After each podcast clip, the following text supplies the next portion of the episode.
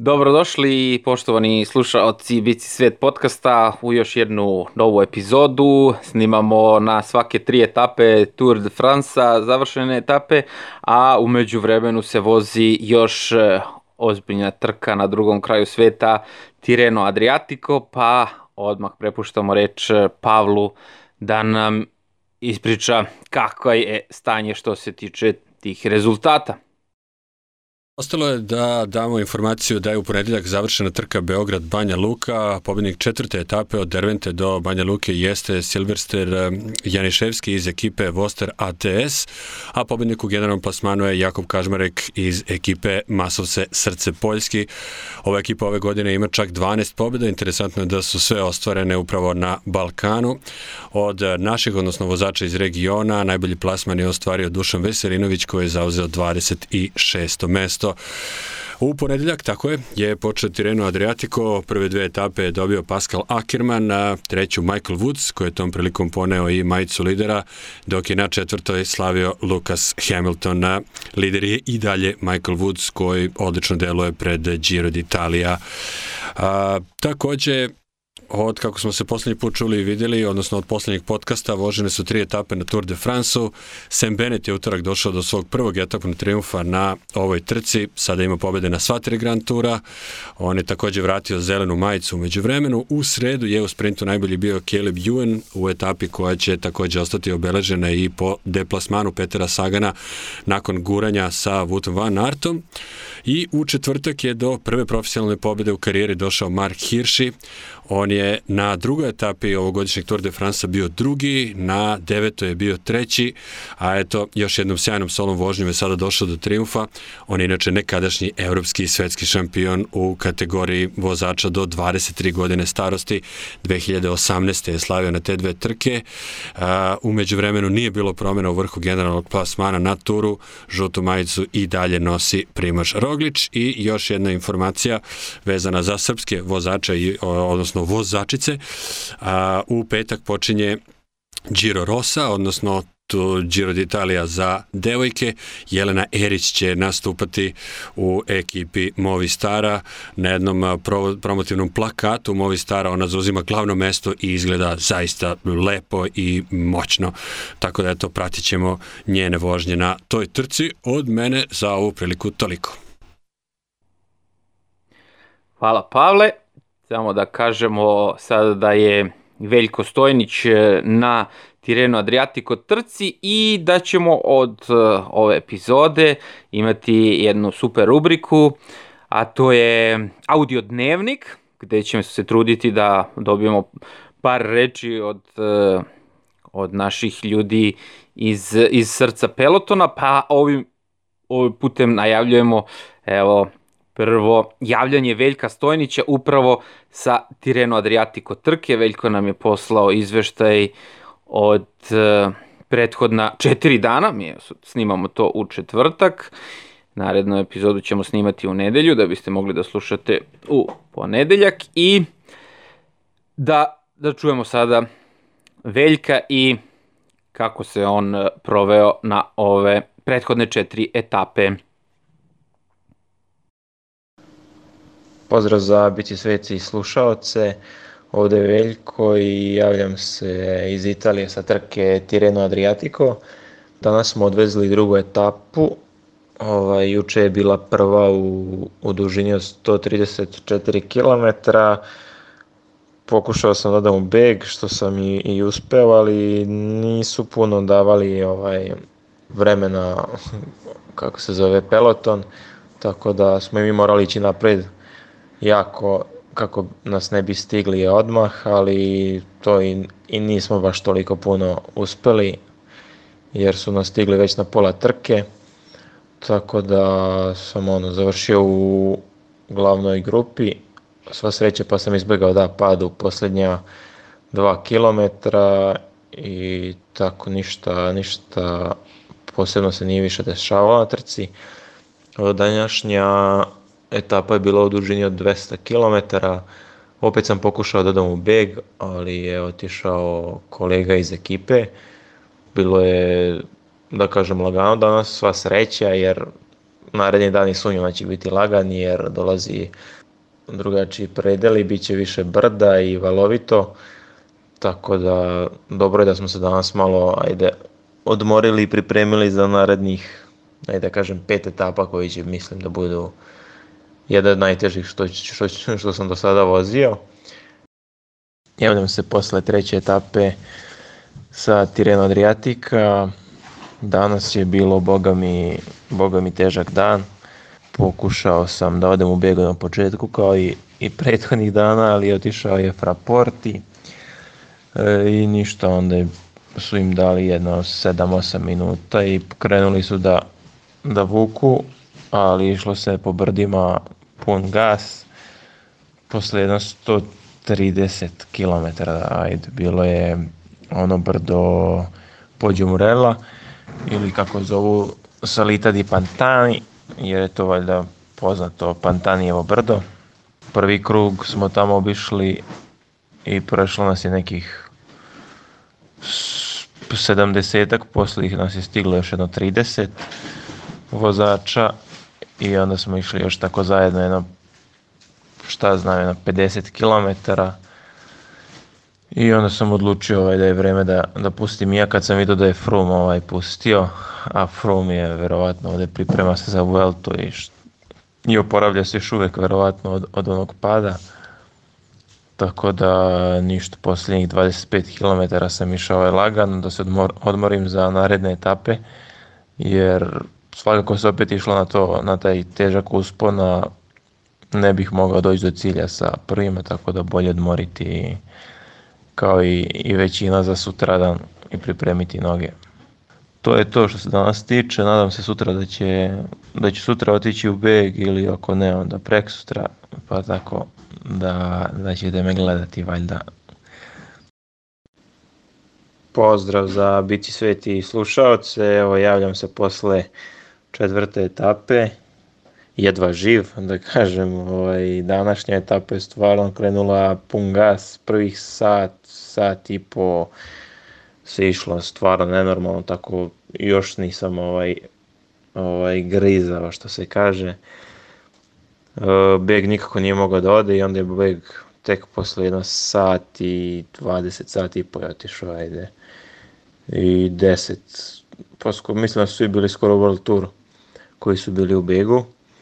Ovaj, ništa, onda sam se malo obradovao kad su otišli, predahnuli, ali na jednom kupseru kad smo ovaj ispuštali u krivini neko mi je isekao, isekao krivinu i nisam mogao da skrenem tako da mi izbacio iz krivine i pao sam tako da eto ali dobro sam prošao hvala Bogu ovaj, ništa samo malo udarci i nikakve da kažemo grebotine nikakvi prelomi tako da ništa onda smo došli pred na brdo poslednjih 60 km i ništa, formio se grupeto i sa grupetom do cilja.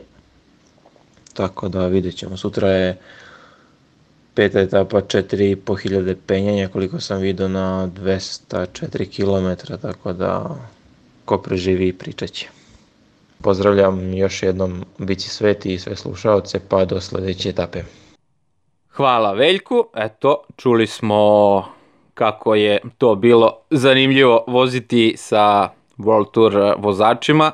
Nije ni malo lako otići u beg, videli smo ga samo tog eh, prvog dana u grupi begunaca i to je bila žestoka borba za taj prvi beg, to se negde što tamo malo kasnije pocepalo, tako da se baš i nije mnogo šetao taj njihov dres Vini Zabu.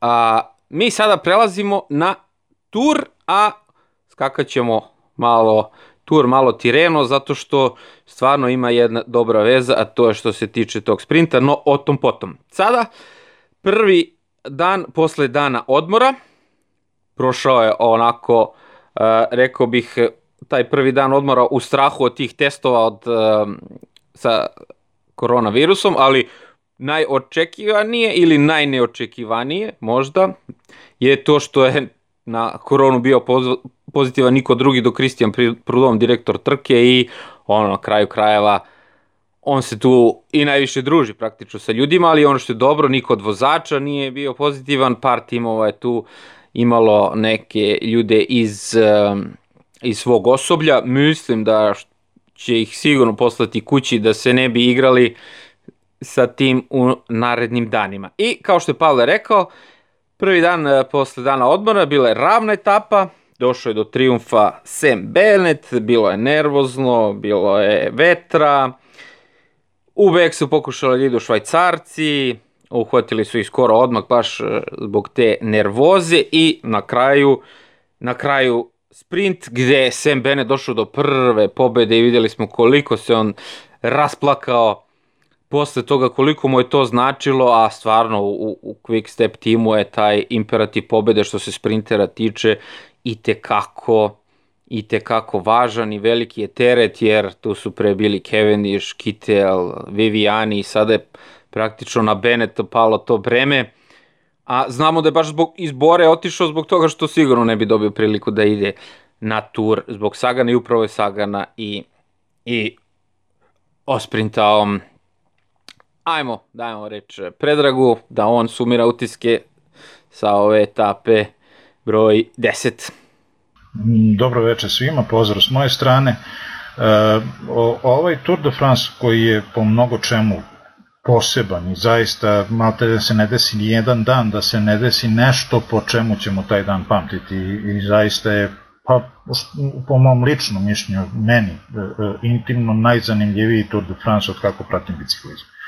A, ono što je e, obeležilo taj deseti dan, to je bio od samog starta taj veliki strah od uh, bočnog vetra i od uh, pojave šalona gde znamo da a po, po, po apsolutnom nepisanom pravilu uh, svaka ravničarska etapa na Tour de France se pretvori u neki problem ovaj put, je to, ovaj put se to nije desilo. Znači, svi su bili od samog starta naštimovani na maksimum oprez, e, na zaštitu svojih glavnih vozača, na sve što e, su mogli da urade da e, izbegnu, pošto tako je bila trasa da su dva puta prelazili preko mora, između ostrava i kopna, i još nekoliko puta preko nekih manjih reka i manjih uvala, i očekivalo se da tu bude teško razbucavanje. Osim onog prelaska preko posljednjeg mosta gde je malo izgledalo komplikovanije, ništa se specijalno nije desilo, bukvalno svi, i svi pretendenti na generalni plasman i svi sprinteri su bezbedno došli do, do ove zone finiša, I u tom finišu uh, smo videli uobičajenu scenu ovaj, nadmetanje Beneta i Caleba Juana, gde se ovaj put umešao i Sagan ovaj, posle dužeg vremena je, je dospeo na, ovaj, na podijum i ono što je bilo za mene lično iznenađenje uh, Elija Viviani, koga bukvalno nismo videli do, do, do, do tog dana, uh, se plasirao na četvrto mesto. Uh, I to je takođe pokazalo da ta borba za zelenu majicu koju smo svi nešto gledali zato što eto, navijamo za Sagana ili bar nam je prirasto srcu, uh, neće proći tako glatko kao što je prolazila prethodnih godina i da će Sagan morati da uradi mnogo više da ako želi da presvuče Beneta.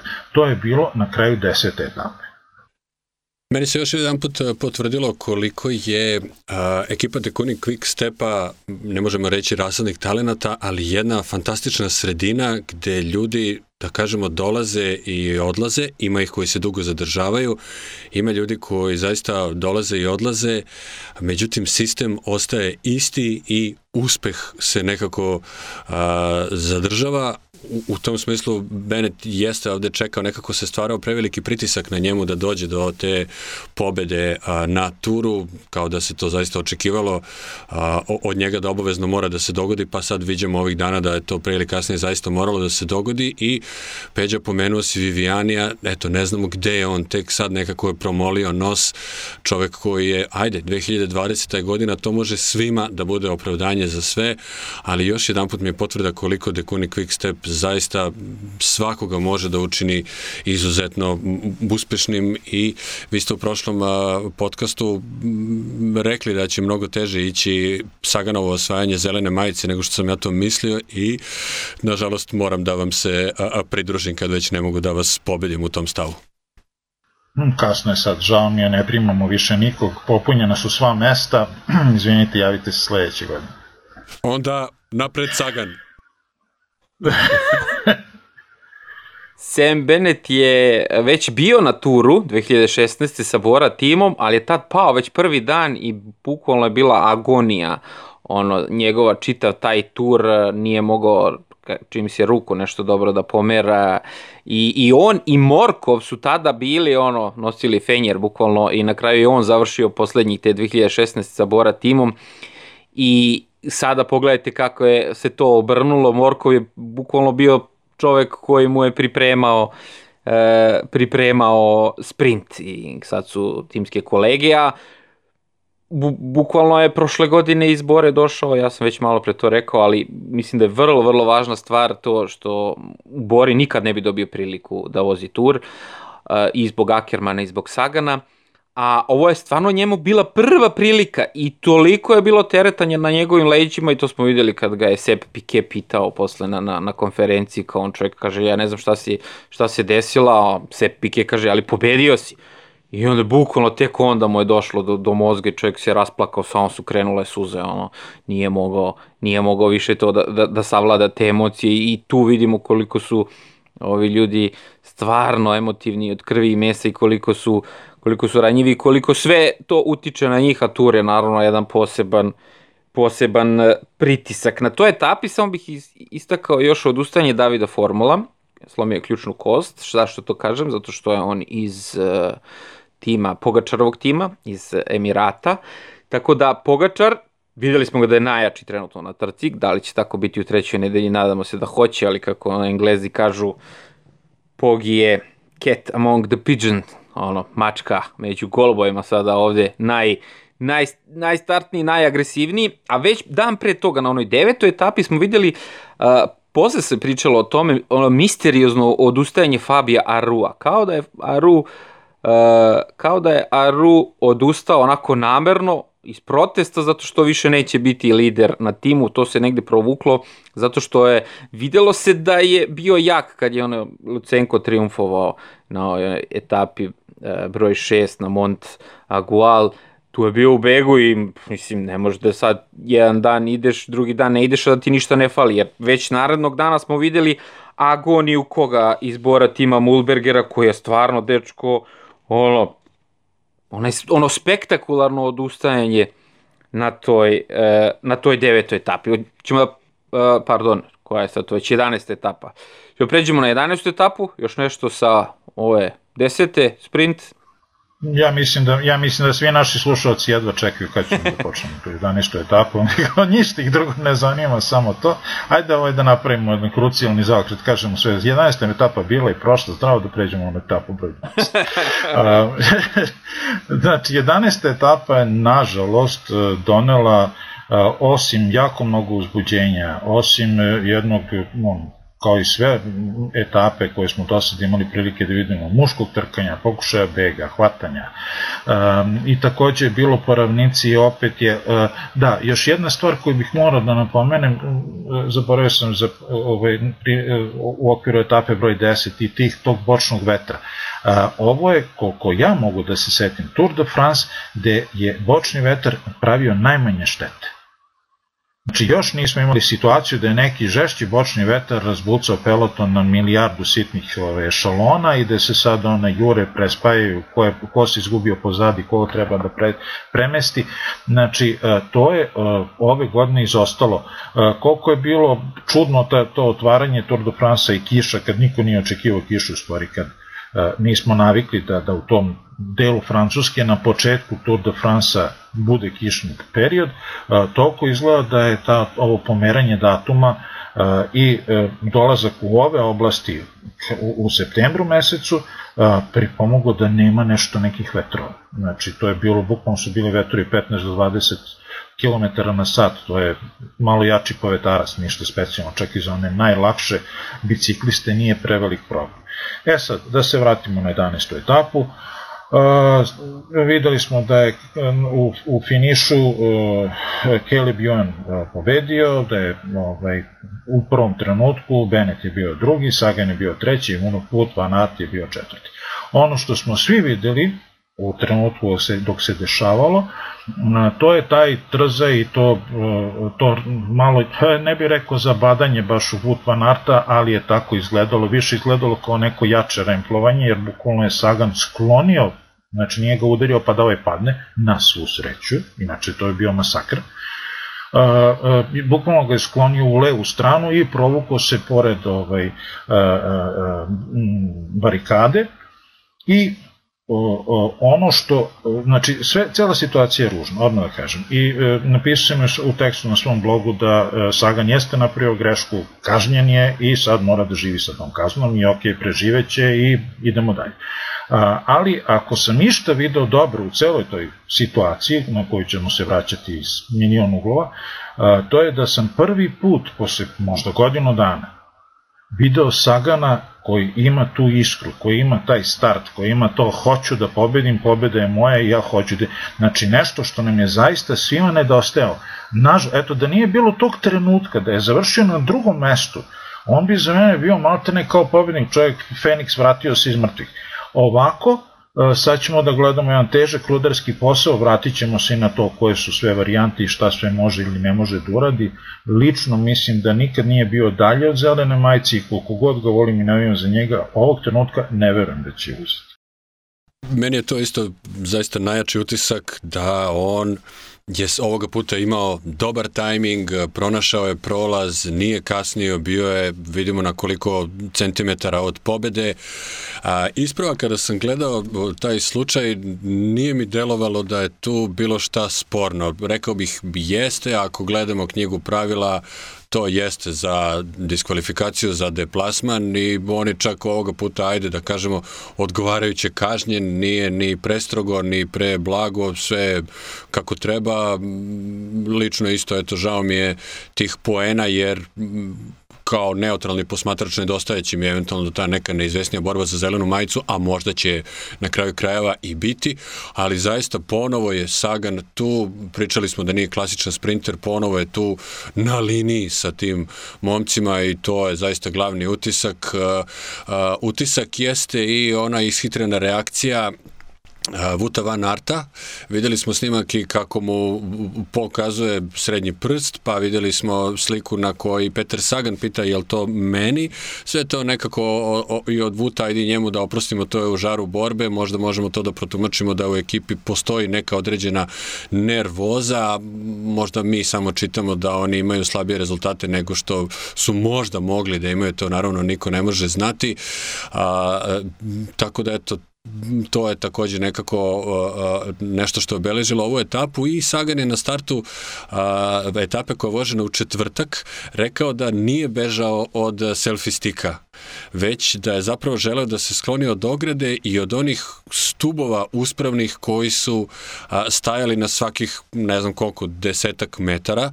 To je bila odgovarajuća, to je bila ograda koju bi svetioničar dozvolio, koja je nagnuta ka publici, gde a, vozač može da vozi u samu ogradu, pa gore telo može da mu bude već to kao, kao ogradi ka publici. Međutim, na svakih, kažem, desetak metara su stajali nekakvi reklamni stubovi koje Peter Sagan pokušavao da izbegne.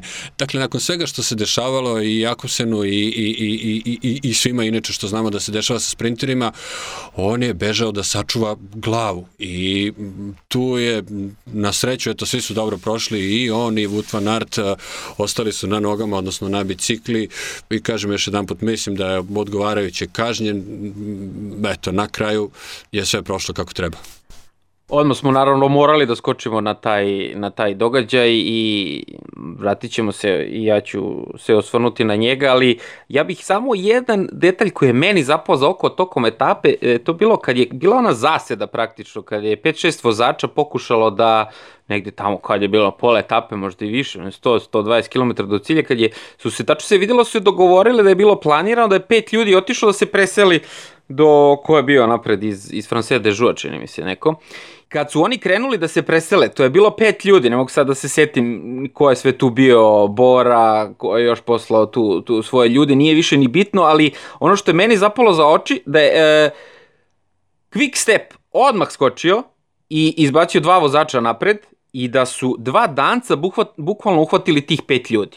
Znači, Kaspren, Asgren i Michael Morko su spojili do te grupe od pet ljudi. Znači, pet jakih ljudi je išlo na smenu da se preseli i dva danca su ih uhvatila onako kao dlanom od dlan. Meni je to da, pokazatelj toga koliko su bili koliko su bili tog dana jaki i koliko su svako, svaki dan jaki. A taj sprint je prevario sve njih, pa i, i, i Beneta i sve ostale, jer pobedio je uh, Caleb Juvan koji se najduže krio u toj grupi. Svi su bili toliko željni uh, da što pre otvore sprint i Sagan je video tu svoju šansu, jer znamo, stalno pominjemo da Sagan nije klasičan sprinter. I uh, tu je on krenuo da sprinta sa njima, ali mu se nije otvaralo lepo. Jednostavno nije mogao, išao je za Benetom, tamo je onda uh, došao u jednu blokadu i onda kada je video otvoren prostor i ja sam isto pomislio nema šanse da je video onaj selfie stick zato što oni sprintuju i gledaju dole i sad on gleda gde je točak čoveka i on je bukvalno bio u istoj situaciji kao što je bio Cavendish 2017. I nema kočenja, tu nema kočenja, to se videlo da on je samo malo, prvo je, e, prvo je morao da eskivira vozača La Mondiala, to je bio Antoni Turži, on, e, u stvari Total Energy tima, pa je onda morao da ukoči za vozača e, La Mondiala, to je bio Clement Venturin, i da prestane da pedalira, on nije kočio, to ga je posle mnogo koštalo. I onda kada mu se otvorilo, Hugo Hofstetter iz Izrael tima išao iza njega i onda je Hugo Hofstetter ostavio neki kao ceparajući tamo tweet kao, znaš, ja sam morao da kočiš. Pa naravno da moraš da kočiš, ti si iza Sagana, ti si iza Lakta Sagana, ti si potpuno iza njega. Ti da ne kočiš, pao bi sam, Sagan bi prošao. Ali Sagan je u istoj situaciji bio kao Cavendish što je bio, onda i nije bilo kočenja, ni Cavendish nije kočio i odbio se od Sagana kao od stene. E sad, Sagan je krenuo, otvorilo mu se i to ono što je Svetioničar rekao, ta njegova želja je isto mene oduševila. Koliko je on bio odlučan da prođe tu?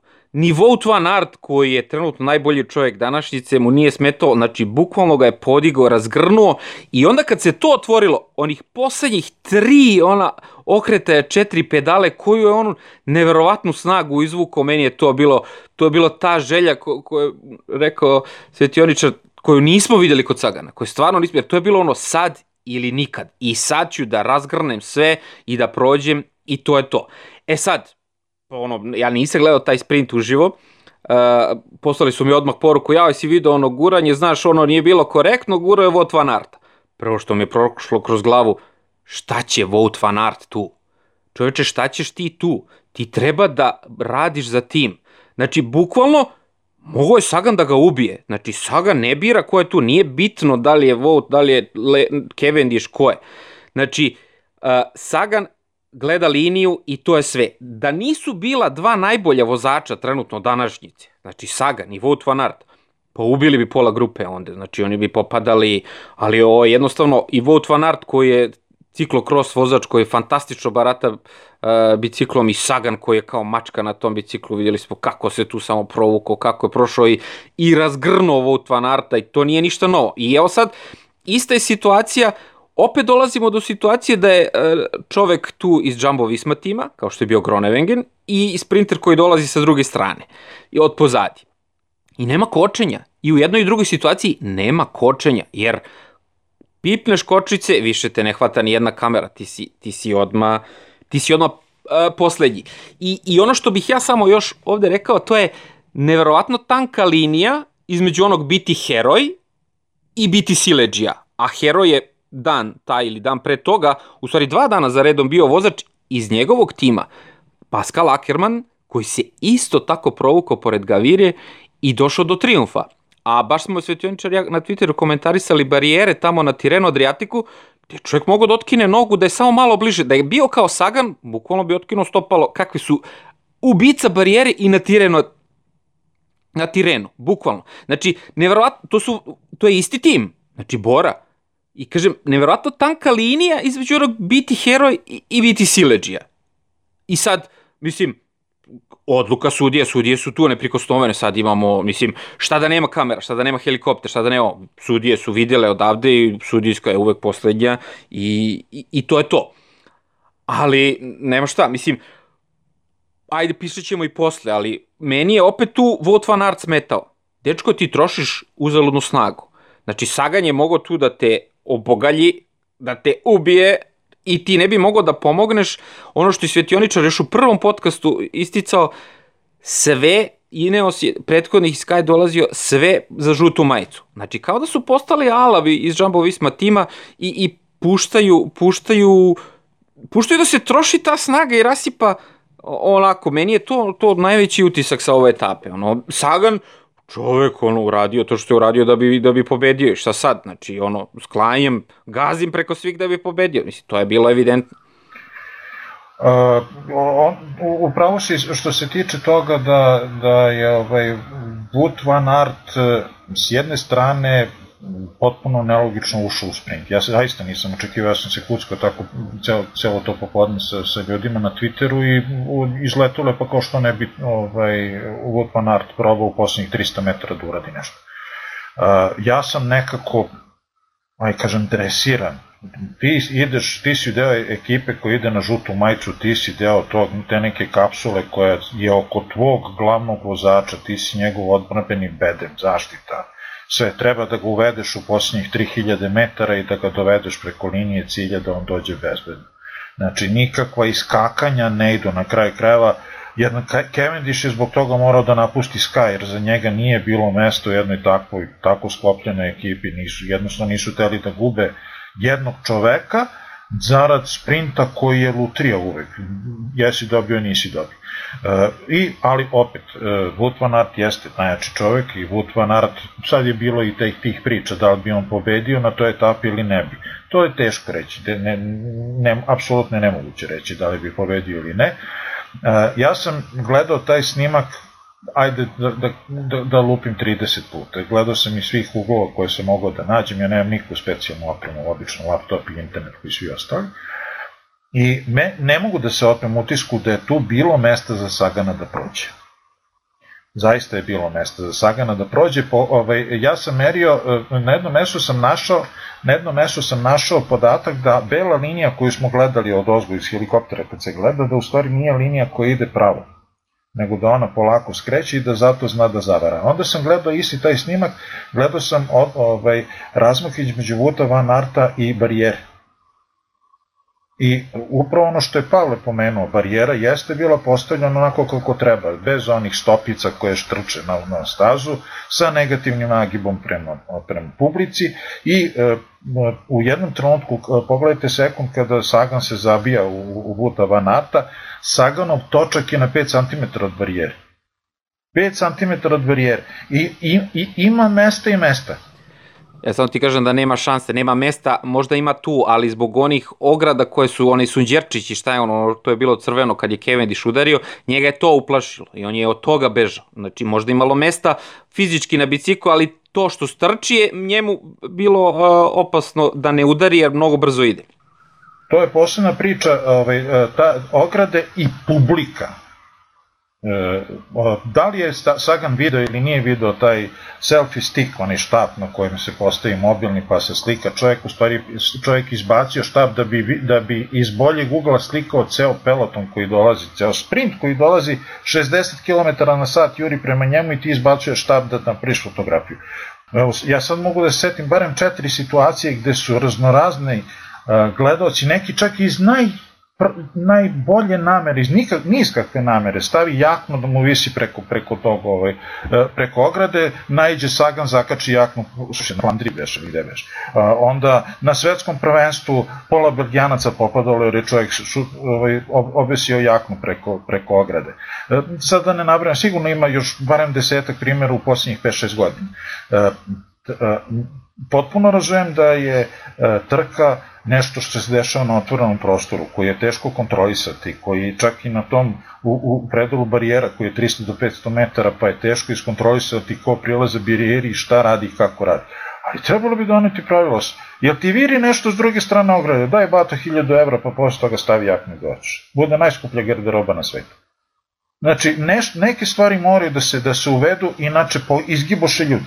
I tačno bi stavio na ne znam kakav stup srama onoga koji je onako stavio ogradu, molim vas, uh, dragi pratioci, ako imate prilike, imate na internetu na 100 mesta možete da nađete, prvu etapu Tireno Adriatico, ono što je Đorđe ovaj, pričao, finiš trke, Gavirija ide napred, između Gavirije i ograde ima mesta da se provuče deblja senka Akerman odlučuje da prolazi tuda i ima mesta da prođe i u jednom trenutku taj, taj prostor se sužava za 20 cm zato što na bukvalno posljednjih 10-15 metara od linije cilja a, a, ovaj, barijera koja je stavljena sa negativnim nagibom koji ostavlja prostor za telo vozača da prolazi odjednom pojavljaju se delovi barijere koji su stavljeni potpuno vertikalno i bukvalno kao da od, odjednom iz, ovaj, od vrata koje su metar i po treba da prođete kroz vrata koje su 90 cm. Ono je strašno. Ne ponovilo se, sva, sva sreća da je prošlo bez, bez ikakvih ovih posledica. Kod ovih padova, samo da dodam da Žalaber 90 neke godine udario bukvalno, kad je sprinta, udario bukvalno policajca koji je slikao sprint. Mislim, tako je bilo, kako je nekad bilo. Eno, ima, eno, ona žena je ostala e, trajni invalid, e, ne sećam se na kojoj beše trci, relativno skoro, pre, pre 7-8 godina je bilo. E, post, ovaj, organizator je dozvolio da na jednom ostavu na ulazu u, u, u ciljnu liniju, u, cilj, u, u ciljni pravac, Znači, gde su već na 60 km na sat na brzini, ostravo je ovaj, na sred ulice i žena je sa porodicom stala na vrh ostrava da gleda trku i kako su se razmi, ovaj, kako se peloton cepao leva, desna, leva strana, desna strana, leva strana, jedan od vozača nije sigurno na vreme da pomeri guvernal, u punoj brzini je naletao na nju, žena je pala ovaj, potiljkom na beton i ostale su trajne posledice, ona je više ovaj, od teško oštećenog intelekta, nesposobna za samostalan život. Znači, čak i, i, ta, i ta publika mora da, da, da, da, da, da razmisli o tome šta sve može da im se desi Многу брзо јуре, што би рекла Искра. Мене остава утисак да е вод tu ponovo bio najjači, samo što on krenuo daleko, daleko najranije, a, baš je tu eto, pogrešio u proceni i još jedan put bi akcentovao ono što je Đorđe rekao, njemu nije mesto bilo tu, oni su se malo tako zanili, to je sve u redu, on može, međutim stvari postaju ozbiljne, prošli smo polovinu trke, ako oduzmeš zadnju etapu, je, donekle revijalnu i, i pretposlednju koja je hronometar, prošli smo skoro dve trećine trke, treba on sada da se drži uz svog lidera, da ne ulazi u gužvu, da iskoriste takvog čoveka kojeg imaju na raspolaganju i da se malčice dotaknemo i pobednika, već druga etapna pobeda za Caleba Juana, kod njih je sad sigurno fantastična žurka, oni su uh, spali na petoricu vozača, dakle Caleb Juan i još četvorica. Prvog dana su ostali bez dvojice i to kakvih vozača. Imaju dve etapne pobede, uh, uh, sponzori su sigurno zadovoljni i prezadovoljni, uh, zaista samo možemo da, da, da, da pozavidimo njima trenutno na, na, na osjećaju. Imaće Kele bio fantastičnu priliku verovatno i na Šanzelizeu do tada može da se vozika, da uživa u prirodi bez ikakvih obaveza. Trenutno je sjajno zvati se i prezivati Kele Bion. Ja bih ovde uh, samo još za, za Vout Van Arta uh, dodao to da uh, mi nije jasno da tu iz Jumbo tima neko ne kaže, ej, čoveče, najbolji si trenutno biciklista sveta. Uh, nemaš više šta kome da se dokazuješ. Znači, imaćeš veću platu, imaćeš šta, šta god poželiš za narednu godinu, ali imaš dve pobede sad, ali sad je prioritet žuta majica Roglić. Znači, mislim, kome više šta tu treba onda se dokazuje. E sad, jeste to trkač, teško je sad ono, kad krene čovjek da pobeđuje, onda je još je više gladan za, za tim pobedama. I ono, mislim, Wout van Aert došao od 15 dana trkanja, on ima uh, 5-6 nekih pobeda najvećih na svetu tu, ono, mislim, prosto, prosto nevjerojatno čovjek ove sezone. I I mislim, ako Roglića moramo da se okrenemo uh, sad ovim etapama koje predstoje, jer, kao što je rekao Pavel, prošlo je, prošlo je pola tura. Znači, prošlo je uh, pola tura, ali ona lakša polovina je iza nas. A oni su Jumbo Visma je tu mnogo snage potrošio. Znači ono sada što sledi je najteže i najteže je u, u poslednjih 20 godina, ono 30, od 92. je najbrdovitiji tur posle 92. Znači uh, svaki atom snagi će sada trebati svima. Znači Ineos uh, Grenadir su bili neprimetni, osim ono kad smo videli na devetoj etapi da je Bernal pratio uh, Pogačara i, i Rogliča, nismo, nismo ih nigde videli i to je njih, njima sjajna stvar. Tu je bio Landa koji se opet probudio. Znači, svaki atom snagi Jumbo Visma treba da čuva. I ne znam, ne znam zašto se oni rasipaju, ali ajde. I ako Rogla ne dođe do triumfa ovdje, ja mislim da će to samo biti isto kao ono što smo prošle godine gledali na Džiru, samo nedostatak tima. A ako dođe do pobede, to će biti samo njegovom zaslugom, jer ja, ja ne vidim da sad tu oni mogu da imaju neku maestralnu taktiku narednih dana. Ako imaju snage, imaju, oni će da kontrolišu trke. Ako ne bude imalo snage u, u njihovim nogama, pa to će da pršti na sve strane, skakaće svine, kao ono što je bilo kad je Dumoulin se sklonio na onoj etapi osmoj. Znači, to će da pršti, će svi da skaču, Pogača prvi, Landa za njim, kogod se oseti jakim ima da skače. Mislim, i će da skače, i ako nema, možda neće nikad više vidjeti tu žutu majicu, ali svi će napadati, čim jedan tim je slab, svi će napadati. Nešto još sa ove etape?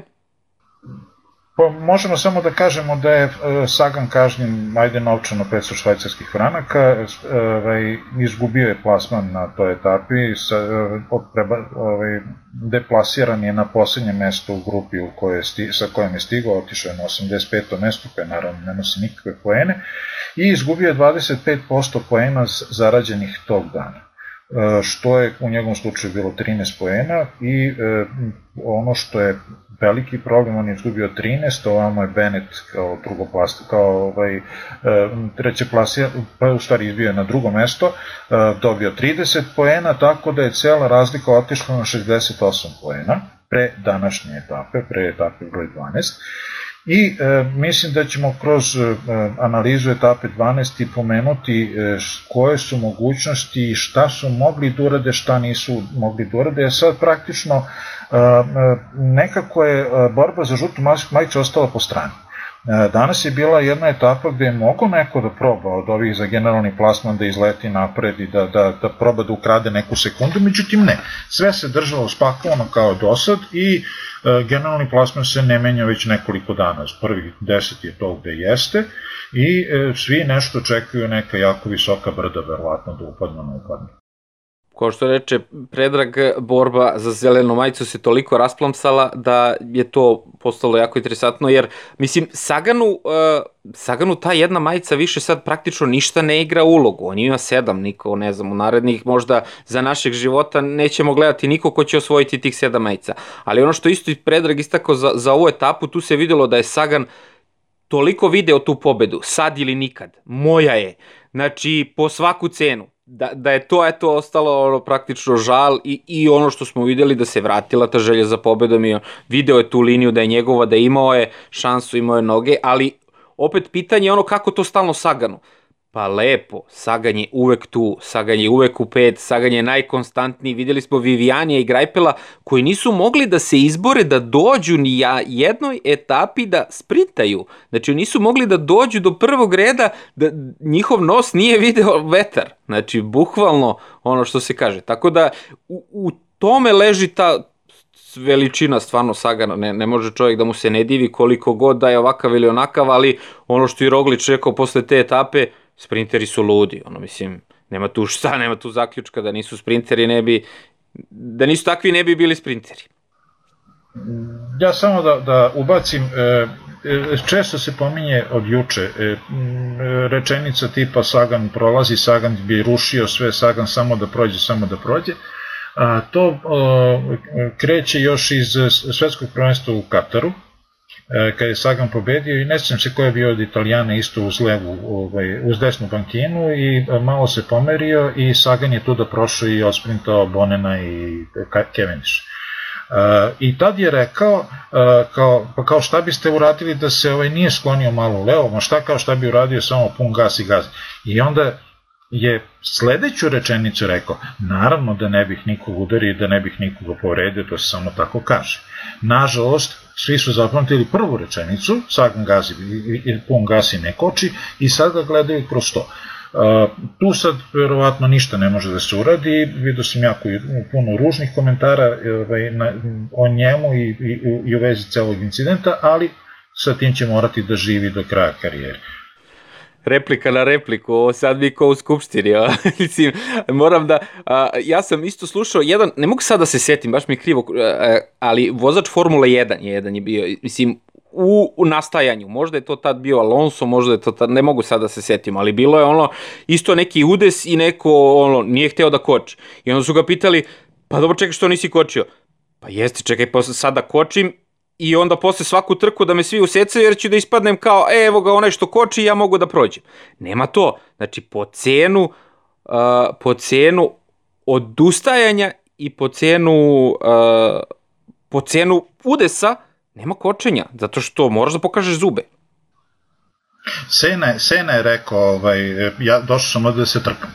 Tačka. Znači, šta god trebalo i kako god trebalo da će se trkati, nažalost znamo i kako je završio, ali dobro, to je sad malo druga priča. Uh, u svakom slučaju, uh, svi su uh, mozgali, čak na nekim portalima se pojavili čitavi planovi predstojećih etapa sa analizom gde bi mogo Sagan da uradi ovo i gde bi moglo da uradi Bora ono.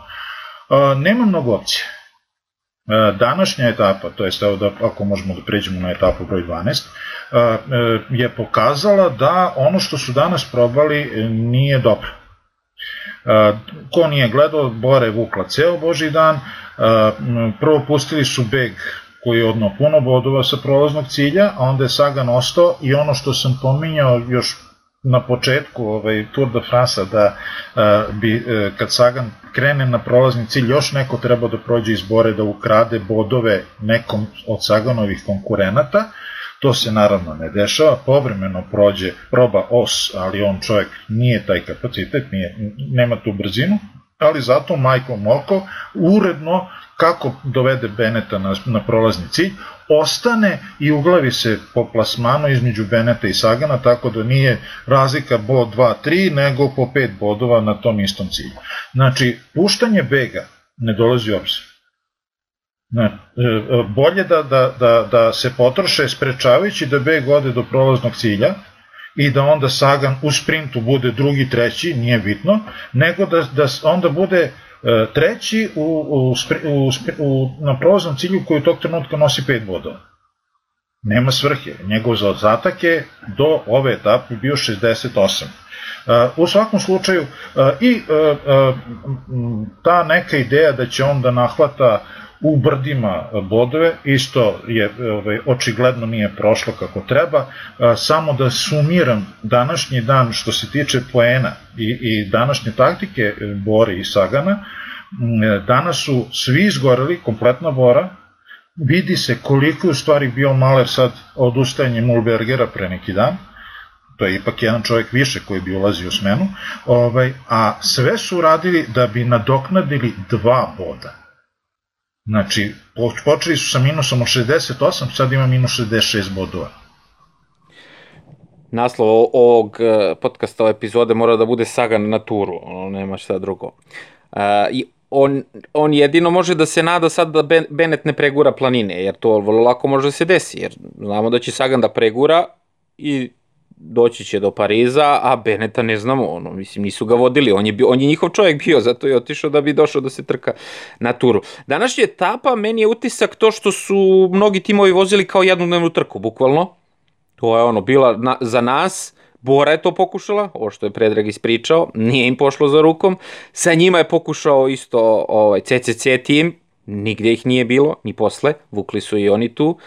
I, I onda smo opet videli živahnog Ala Filipa da pokušava, ali ja mislim da je celom svetu drago što je pobednik bio uh, Mark Hirši koji jeste, jer i, i do, do juče smo pričali o onoj njegovoj vožnji na etapi broj 9 kad je tuko ceo dan pun gas i, i da su ga stigli na kilometar do cilja i kad su ga stigli on seo pozadi, zatego sprinterice i ajde brate u sprint i ono kao a koga je osprint? Osprintali su ga Roglić i Pogačar 2, najveća talenta i, i prosper, e, dva najveći e, bicikliste današnjice, ono, bukvalno, i, znači, nema razloga, ono, svi su rekli, dečko, svaka ti čast, ti si, ono, heroj ovog tura i, i od te druge etape sa La Filipom pa do sad i evo danas je se videlo, danas se videlo koliko 9-10 ljudi ide tu i ne smanjuje razliku, a on se ne okreće punga, znači svaka mu čast. Ona, je ta, ona vožnja danas je ono, za, za svaku pohvalu. I super je bilo sve danas odrađeno što se tiče Sunweb tima. Imali su dva čoveka u grupi iza da pokrivaju begove,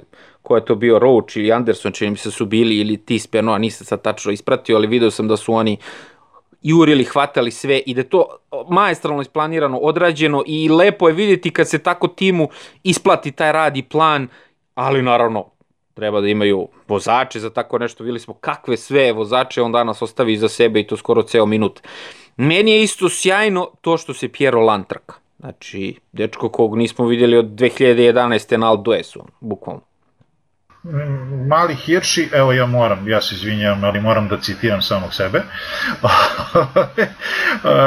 ja, zaista e, mislim da smo dobili e, e, odličnog konkurenta i čoveka koji može da parira Remko, Remko Evenpolu kada se Remko vrati ponovo na drum podjednake imaju taj neki, neku žicu za pobedom, za fajtom, ne, ne fermaju 2% bilo kakav autoritet, nije mi bitno da li me juri desetostruki svetski prvak ili sam sam na drumu, ja tučem svoje, fantastično se spušta čovek, fantastično bira ove linije, drago mi je da je taj spust danas koji je bio, ovaj, koji nije na momente nije bio uopšte naivan, da je prošao bez vlažnog druma, da je bez kiše, da je bilo sve kako treba i, e, i kao što sam i napisao negde na, na 10. 15. km do cilja da bi mi ulepšao dan da pobedi, hvala mu pobedio je i svaka mu čast. Ali ja bih sad pomenuo još jednu osobu koja ovaj, e, je e, za mene na neki način iznenađenje. Ja sam mislio da Trentin vozi Tour de France, on u stvari uopšte ne vozi Tour de France.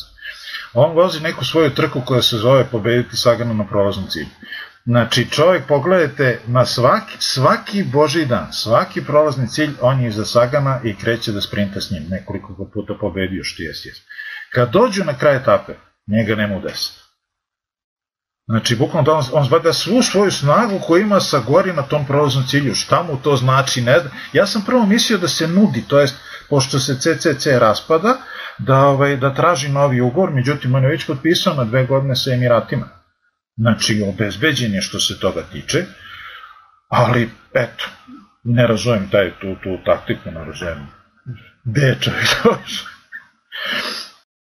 Možda još nije tačno dogovorio platu, pa ovaj, za to nikad nije kasno. A, ja bih primetio da je ekipa Mitchelton Scotta u samoj završnici nešto jurila, otprilike pokušavala, iako su imali dva minuta za ostatka, jedinu logiku koju mogu tu da nađem jeste da su možda pokušavali nešto da učine, očekivali su da se begunci u jednom trenutku zaista slome i da, i da, i da, i da počnu da pucaju, međutim to se nije dogodilo, ali eto, pričali smo već kako je ekipa Mitchelton Mitchelton Scotta kad izgubi šansu da se bori za generalni plasman, ide lepo za etape, ne klono duhom, nisu skloni samo sažaljevanju, već eto prosto idu tu i eto kao što je Đorđe pomenuo, Ala Filipa Jedva čekam da ga vidim u narednim etapama. Ne mogu reći srce mi zaigra kad vidim kako se bori, kako napada i često pregori u tome i, i, i nekad ne može, ali uvek, uvek, uvek napada i zaista mi to nešto što će nas pored borbe za žutu majicu, ra, mene lično će izuzetno radovati u narednim etapama, pa ćemo da vidimo da li bi možda već uh, uh, sutradan, u, odnosno na etapi u petak mogao da, da krene recimo u neki veliki solo beg. Ima više decenijski zaostatak u generalnom plasmanu, nema apsolutno niko razloga da se nešto plaši njega, može slobodno da vozi. Ova današnja vožnja nas zaista ohrabruje pred uh, nastavak trke. Ajmo malo da se okrenemo tim narednim danima. Imamo sutra jednu etapu koja se završava na brdu. Možda ne bude ništa, možda dođu svi favoriti zajedno, a možda bude i neko zapalio trku, ono što se kaže, možda bude baš Ala Filip što kaže Pavle. Onda u, subotu imamo plago rečeno tranzicijonu etapu, rekao bih da je to za begunce i u nedelju gde mora da, da, da, da bude rasplet neki u generalnom plasmanu, jer je i posle toga dan odmora i gde svi ono će se tada trkati što se tiče sekundi za generalni plasman jer uh, Roglić sigurno želi što veći uh, što veću prednost u odnosu na Bernala pre poslednje nedelje i Bernal želi onda napadne da se dokaže i etapa ide na Grand Colombier, a pre toga imamo dva brdska cilja uh, prve kategorije i to je ta etapa u nedelju koja mislim da će uh, doneti dosta uzbuđenja, a posle te etape ćemo mi snimati novi podcast i zbog toga mislim da sutra možda ne bude ništa, sutra možda puste begunce, mada kako čudno Jumbo vozi, ko zna šta će se sve dešavati. Na sutrašnjoj etapi ima sedam prolaznih brdskih ciljeva, što je za nekoga ko želi da se bori za tačkastu majicu fantastično, zaista. Takođe, na etapi u subotu ima pet e, brdskih ciljeva, tako da ja bih s pravom očekivao tu Žilijana Ala Filipa. Uh, ono što su, karakteriše sutrašnju etapu, to je jedina etapa gde će prolazni cilj za sprintere biti iza uh, ovaj, vrha koji je ovaj, prve kategorije. Znači, bit će sprinterima u startu uh, ekstra teško da prevale taj vrh, a poeni ih čekaju sa druge strane. E, da danas nisu napravili, e, već sam nekoliko puta pominjao i, i ovaj, e, Opet Sagan, ajde. Ne, ne, ne, ne, ne, ne Sagan, a, ne, ne, ne, ne, ne, to si ti sad rekao, ja nisam ošte to da pomenem ime Sagan, ove, ali sam morao da pomenem Boru, znači da danas nisu tako bez veze spalili, spržili ceo tim, da su malo svežiji bili, da su da na kraju kraja kad su videli da ne ide, mogli su komotno prvi 150 km da se vozikaju u grupi i ništa se ne bi specijalno desilo, a otresli bi Benata već na poslednjem onom brdu. Ali ovaj, sutra su mogli da organizuju beg. Neće, probaće ovaj, da, da im se umešaju sigurno quick step, da kako god može. Obojica ste apostrofirali quick step, ja bih samo rekao za quick step oni nisu tim, nisu mehanizam, oni su organizam. Znači, oni bukvalno znaju u svakom trenutku gde se nalazi noga, gde je glava, gde je uvo, gde je ruka i ko šta treba da radi. To što je rekao Đorđe, on, njima niko ne treba da javi iz kola šta treba da urade ako se u nekom trenutku menja situacija na, na drugom. Momentalno neko reaguje. Tu je. Čak i ako ne treba da juri, on će da ode, da poveže, da bude uz ono, pa će tamo da sačeka, e, treba da ga jurimo ili da ga pustimo. Znači, to je toliko do savršenstva dovedeno, e, dovedeno jedno živo biće Da, e, drago mi je, i ja Beneta volim kao, kao sprinter i jako mi je žao što za, u Bori za njega nije bilo mesta, ali našo je najbolju moguću zamenu za, za, za Bor. Na savršenom mestu i nadam se da će godine da provede tamo uspešno vozeći. Znači, da se vratim na ovaj, e, e, zašto ga pominjem, e, svi ostali prolazni ciljevi za sprintere, znači za zalemu majicu, e, se nalaze pre visokih brda u svakoj od etapa na razdaljinama od 25 do 50 km otprilike, s tim što neke etape su baš ono gore dole, gore dole, baš ono nazubljene, što bi se reklo, bez obzira što nisu veliki usponi, a ova je baš iza uspona prve kategorije i ja se nekako potajno nadam da će, da, će, da, da se nađe snage u, kod dvojice, trojice, znači nije dovoljno samo Sagan da ode da uzme poen na prolaznu cilj, mora da ode još nekoliko ljudi koji nisu Bennett, Znači, nebitno mu je da će da uz njega idu vozači Quick Stepa ili, ili Bore ili bilo kog drugog tima, ali da se pokupi što više bodova da se Benetu ostane, ostavi manje. E, to ćemo relativno brzo videti sutra, jer a, ako će nešto da se razvija na tu temu, to je, to je jedini pravi trenutak na toj sutrašnjoj etapi će biti veoma teško kontrolisati trku. I to će biti prvi veliki, stvarno veliki ispit za Jumbo Visma tim, jer uh, oni su preuzeli odgovornost još veoma rano, to smo vidjeli u prvoj nedelji, da su oni tukli na čelu grupe onako muški i kad treba i kad ne treba. E, ovo što je Svetioničar rekao, sutra će biti mnogo trka unutar trke. Prva ova što je pomenuo da će se boriti za ovaj prolazni cilj, koji je na pola trke, ali treba se preguraju brda preko toga. Sagan zna da Bennett e, teško da će ovo da pregura i ići će pun gas. Ne samo on, onda će ići ponovo, ja mislim i Sanchez i, i Ala Filip ovako što se tiče svoje, svojih interesa i etape pobed. Znači, možda ode 30 ljudi u beg sutra i, i veliki ispit će sutra biti za Jumbo. Uh, sad si pomenuo, za malo da zaboravimo da pomenemo, pojavio se Sanchez na trci Čekali smo ga pola Tour de France, pojavio se čovjek, pojavio se Demarki. Znači, pazi ti lopove matore, prljave pokvarene prevarante. Čekali su da se ovi klinci sa gore 10-11 etapa, e sad će oni da idu u beg da se šetaju pred kamerama. Zavisi, molim te to. A ja se već bio duboko razočarao. E da, Pjera Roana imam na, ovaj, na Fantasy Tour de France, danas mi je donao lepe pojem. U svakom slučaju e, e, od, e, imat ćemo vrlo, vrlo buran vikend. Ne sećam se da je u skorije vreme Tour de France došao u ovu fazu a da je tako mali, mala razlika između, ovaj, eh, između glavnih pretendenata za generalni plasman. A, ono što mi je potpuno, ja ponekad odim i pogledam iz čisto zadovoljstvo tabelu da vidim ovaj, Bardea da je tako visoko, još uvijek nije pao, još uvijek mu se nije desio neki karambol, lanac, čuda, pogotovo hronometar, on će do subote biti, on je tamo kad bude hronometar biti jako visoko, a posle toga kom obojci, kom opanci. Drago mi je da se Wood Pulse vratio skroz, očigledno Sivako se oporavio skroz, tako da e, može da se lako desi, e, promenili smo bar 10 puta to silno razbacivanje snage jumbovizme bespotrebno da dođe na naplatu, jer sa svim okrnjenim sastavima e, e, Ineos, Bahrein, svi su ostavili svoje vozače, Ažeduar, mislim, koga oni sad imaju uz Brdea, nema nikog. Znači, ostavili su svoje glavne vozače visoko u plasmanu, a Jumbo je sve vreme bio na broju i sve vreme trošio, trošio, trošio, danas Toni Martin izađe da, da vuče uz, uz brda. Aman. Biće mnogo teško sad e, kontrolisati trku, kogod da to hoće. Nebitno da li će to biti Ineos ili će to biti Jumbo, jer e, ono što je neko isto i pitao na, na YouTube-u sad za neke greške, ja mislim da će se, da će se tur osvojiti što se greša na greškama.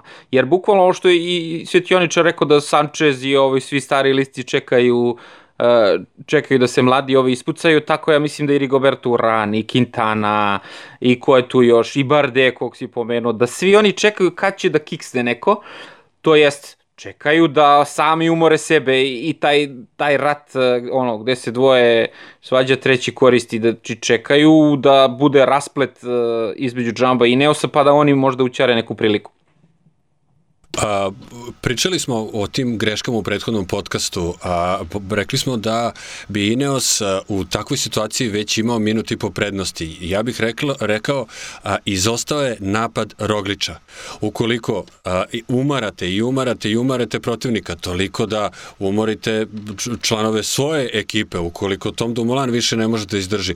U takvom trenutku neko za koga vlada opšte mišljenje da je najjači na trci, a Primor Žoglić, koji je skočniji, eksplozivniji od najvećeg rivala Egana Bernala. Mora to da iskoristi, mora da ide negde da napada. On jedino što uradio jeste što je skočio na jedan napad a, Tadeja Pogačara, pa na drugi čak nije. Jeste možda to bilo prerano prva nedelja u, u trci, ali onda je bilo prerano da toliko umarate sve toliko da istrošite svoju čitavu ekipu. To je ta greška. Ukoliko već ste žrtvovali Toma Domulana, to je trebalo da da neke rezultate, da Primož Roglič skoči, da on sam napravi još 30 sekundi u odnosu na nekog drugog. On ima 21 sekund prednosti u odnosu na Bernala samo na bonifikacije, odnosno na tu skočnost na prolazne ciljeve i na a, onu jednu pobedu što ima da je zaradio 10 sekundi. A, a, znači, to je ostvario na dve etape. A, a, ukupno tih, taj 21 sekund prednosti. Znači, Bernale svaki put dolazio egal sa njim, što nakon žr tolike žrtve tog tima nije smeo Roglič da dozvoli, morao je mnogo bolje to da iskoristi. Eto, to je ta greška, taj jedan poslednji udarac. Možda su očekivali da potroše protivnika u prvoj nedelji, odnosno, kažem, bilo bi glupo očekivati da potroše nedelja, da, da potroše protivnika u prvoj nedelji, morali su to drugačije da, da nekako da izvrše egzekuciju toga što su dotad radili. Mis, da, e, mislim da su ovaj, e, bukvalno e, vruće hladno. E, s jedne strane su nestrpljivi da smrve e, protivnike nekim ubitočnim tempom koji će da vuku, vuku, vuku, vuku, na kraju su potrošili sebe, a imamo prilike da vidimo da su ostali se povukli daleko, vozikaju se polako, ostaje dva čoveka napred da budu čisto tu za svaki slučaj i ceo generalni plasman maltene i dalje neokrnjen. Dobro, par njih je definitivno otpalo toga. Ali, s druge strane, isto smo apostrofirali, meni sad sam se iznenadio kada je Đorđe pomenuo, ne sećam se kad sam posljednji put video Urana. Čovek vozi u stealth modu, nema ga, nevidljivi čovek. A tu je. Znači, to, se, to je iskustvo, to je nešto, ja sam kad smo počinje priču o Tour de France pre 10 dana, rekao Jumbo će pobediti Vizmu. Znači, samo će prvo svojim o, propustima, svojim nekim totalno nerazonskim stvarima, e, će e, otvoriti širom vrata i priliku drugim timovima. A nisu svi naivni i nisu svi se potrošili. No, ovo će biti nezgodno narednih dana, zato što o, kao što smo već rekli, mnogo vozača tu čeka i senke.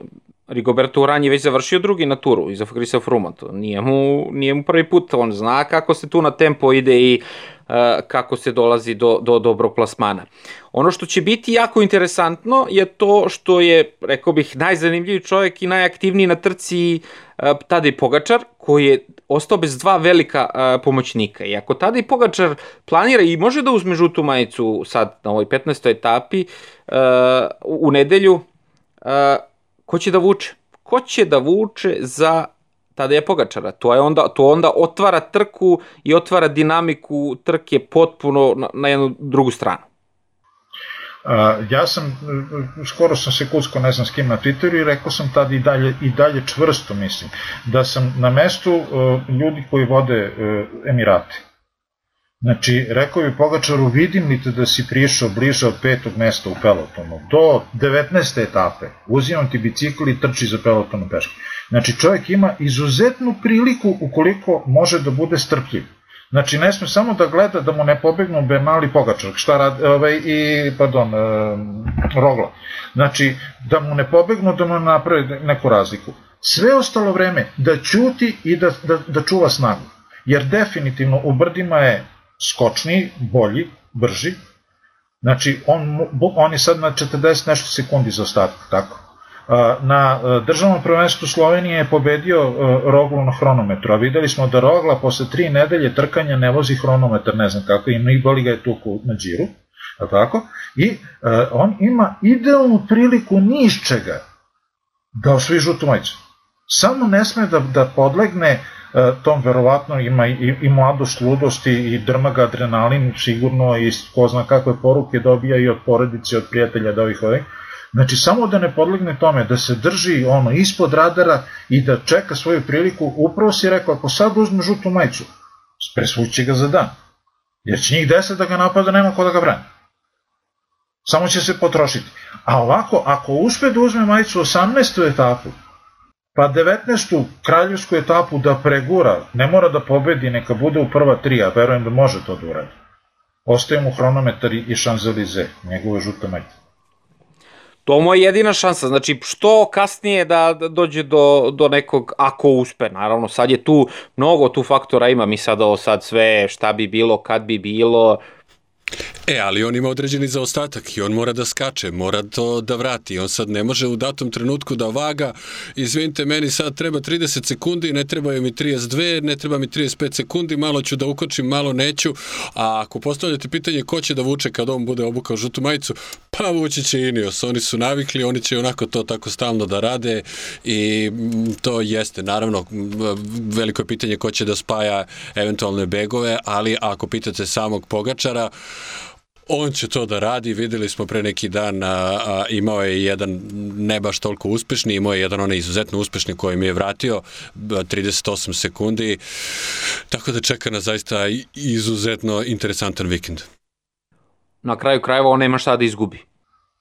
Budućnost je pred njim, mlad je, ovo mu je prvi, verovatno će voziti 10-15 Tour de France-ova. Nego, Ovaj, ja verujem ovo što sam iznao da ta neka idealna kombinacija da, da, da u, u, u pred kraj Tour de France mazne žutu majicu i pobegne u hronometar, da verovatno sličnu ideju ima Bardet, da sličnu ideju ima Landa, e, možda čak i Richie Port. Znači, svi su oni ostali, dobro, Richie Port još ima pomoć Bože, Landa, nismo videli kako rade Landa i uh, Wood Pulse. Znači, Wood Pulse je jedva nekako preživao prvu nedelju i, nekako, i sad vidimo vozi prilično normalno, on može da bude presudan igrač. U trenutku videli smo da su u dva navrata Roglu ostavili na 14 do 20 km pre Brdskog silja, da više nije imao svoje, svoje vozače uopšte. Znači, to može da bude vrlo, vrlo triki taj jedan čovjek razlike. Sad, e, dva najjača tima su tu Jumbo i, i Ineos, to je definitivno. I imaju na 14. i 15. poziciji Tom Dumoulin i Richard Carapaz. Znači, sad tek taktika dolazi do izražaja. Znači, sad će jedni i drugi da probaju da ispale napred Dumulana, da ispale Karapaza, neće se libiti da, da, da ni jedni ni drugi da to pokušavaju, s tim što je Karapaz mnogo eksplozivniji vozač od, od Toma Dumulana. Tom Dumulan je dobar jedan, dobar jedan dizel. Tako da, mnogo se otvara trka. Mi sad možemo da pričamo do sutra i u trenutku kad vi budete slušali ovaj podcast, verovatno će mnogo stvari se izdešavati, e, mnogo brzo ide sve ovo, malo je praktično, malo je za tur je malo i svakog dana da, da, da snimamo, ali jednostavno nemamo toliko, nemamo toliko vremena. Ovo je sad sve šta bi bilo kad bi bilo. E, još nešto za kraj, Ima Pavle da se kaje što je rekao protiv, protiv mene. Ajde, kaži. Pa obratio bih pažnju malo na Tirenu Adriatico, koja je najava onoga što nas čeka na Džiru, gde se nismo nagledali Vincenza Nibalija, ok, tek je pola trke proteklo. Kad je reč o Gerentu Tomasu, pokajniku, pokazuje neke znake života, a, napada, trka se, skočio je danas kada su otišli Yates i, i, i Woods, međutim kada dođe onako trenutak odluke ne uspeva baš da, da vuče a, za njima. Ok, a, Giro je još relativno daleko u ovim uslovima 2020. ima još koja nedelja tu do, do, do početka toga, pa još koja nedelja do kraja džira, dakle može tu svašta da se dogodi. A, tako da eto, treba držati oko i, i na toj trci takođe. A, ono što je, e, je, bilo nekoliko tekstova na temu koliko je Ineos pogrešio što nije pevao Ger, Geranta Tomasa, pa iskustvo, pa bi pomogao Bernalo, pa ovo, pa ono. Gerant Tomas je izjavio ovih dana da sam nije želao da ide na Tour de France ako nije bio prvi vozač. Znači, da su ga naterali da voze, vozili bi mrtvi balast, radio bi ništa novo. I ta njegova izjava, rekao bih ovde, još više daje na značaju tomu Dumulanu, koji je ono krenuo, video da ne ide, daj da pomognem Rogli, ali je bilo nepotrebno ono kako su oni rekli, ono bilo je ono što, što kaže Patak Dača u onom crtaću, učini mi nešto, nema više ništa da mi činiš, tako je i tako i Dumulan skuvao Roglu onaj dan pa nije mogao Roglični da možda i da je hteo nije mogao da napadne jer je ovaj mnogo jako vukao. Tako da biće mnogo interesantno gledati sad šta će se dešavati što se taktike tiče jer ovde 10-15 vozača može pobedi tur. Znači Endrik Mas kog nigde videli nismo je na 2 minuta za ostatka na 12. poziciji. Znači svi ovi ljudi unutar tog uh, za ostatka mogu da mogu da da, da se nađu na podijumu, ako ništa drugo, ako bar ne da, da pobede tur. I da završavamo ovaj podcast i da vas pozovemo da nas pratite na društvenim mrežama, da nas pratite na različitim audio platformama, sad to je već krenulo, tu je, treba da radi Google Podcast, Pocket Cast, Radio Public, Spotify, ima nas na Spotify-u, možete tamo da nas nađete, naravno stari dobri Mixcloud, YouTube, tu su uvek za vas, bit će još u narednih meseci tu u planu još dosta nekih dobrih, e, dobrih klipova, tako da kliknite like, kliknite subscribe, pitajte nas nešto, najaktivniji smo na Twitteru, e, tu je bukvalno zbog čega? Zato što je tu najbrži protok informacije, zato što su tu i svi vozači, i timovi, svi su tu aktivni, jednostavno tu mogu da se u najkraćem vremenskom roku e, razmene najkvalitetnije informacije i, i zbog toga je Twitter tako jedna jedna divna platforma. To bi bilo to što se tiče ovog podcasta. Naredni snimamo već za tri dana i mnogo toga će pasti u vodu od ovog što smo mi rekli, a bit će još mnogo novih tema o kojima ćemo da pričamo. Prijatno i do slušanja. Pozdrav s moje strane. Do slušanja.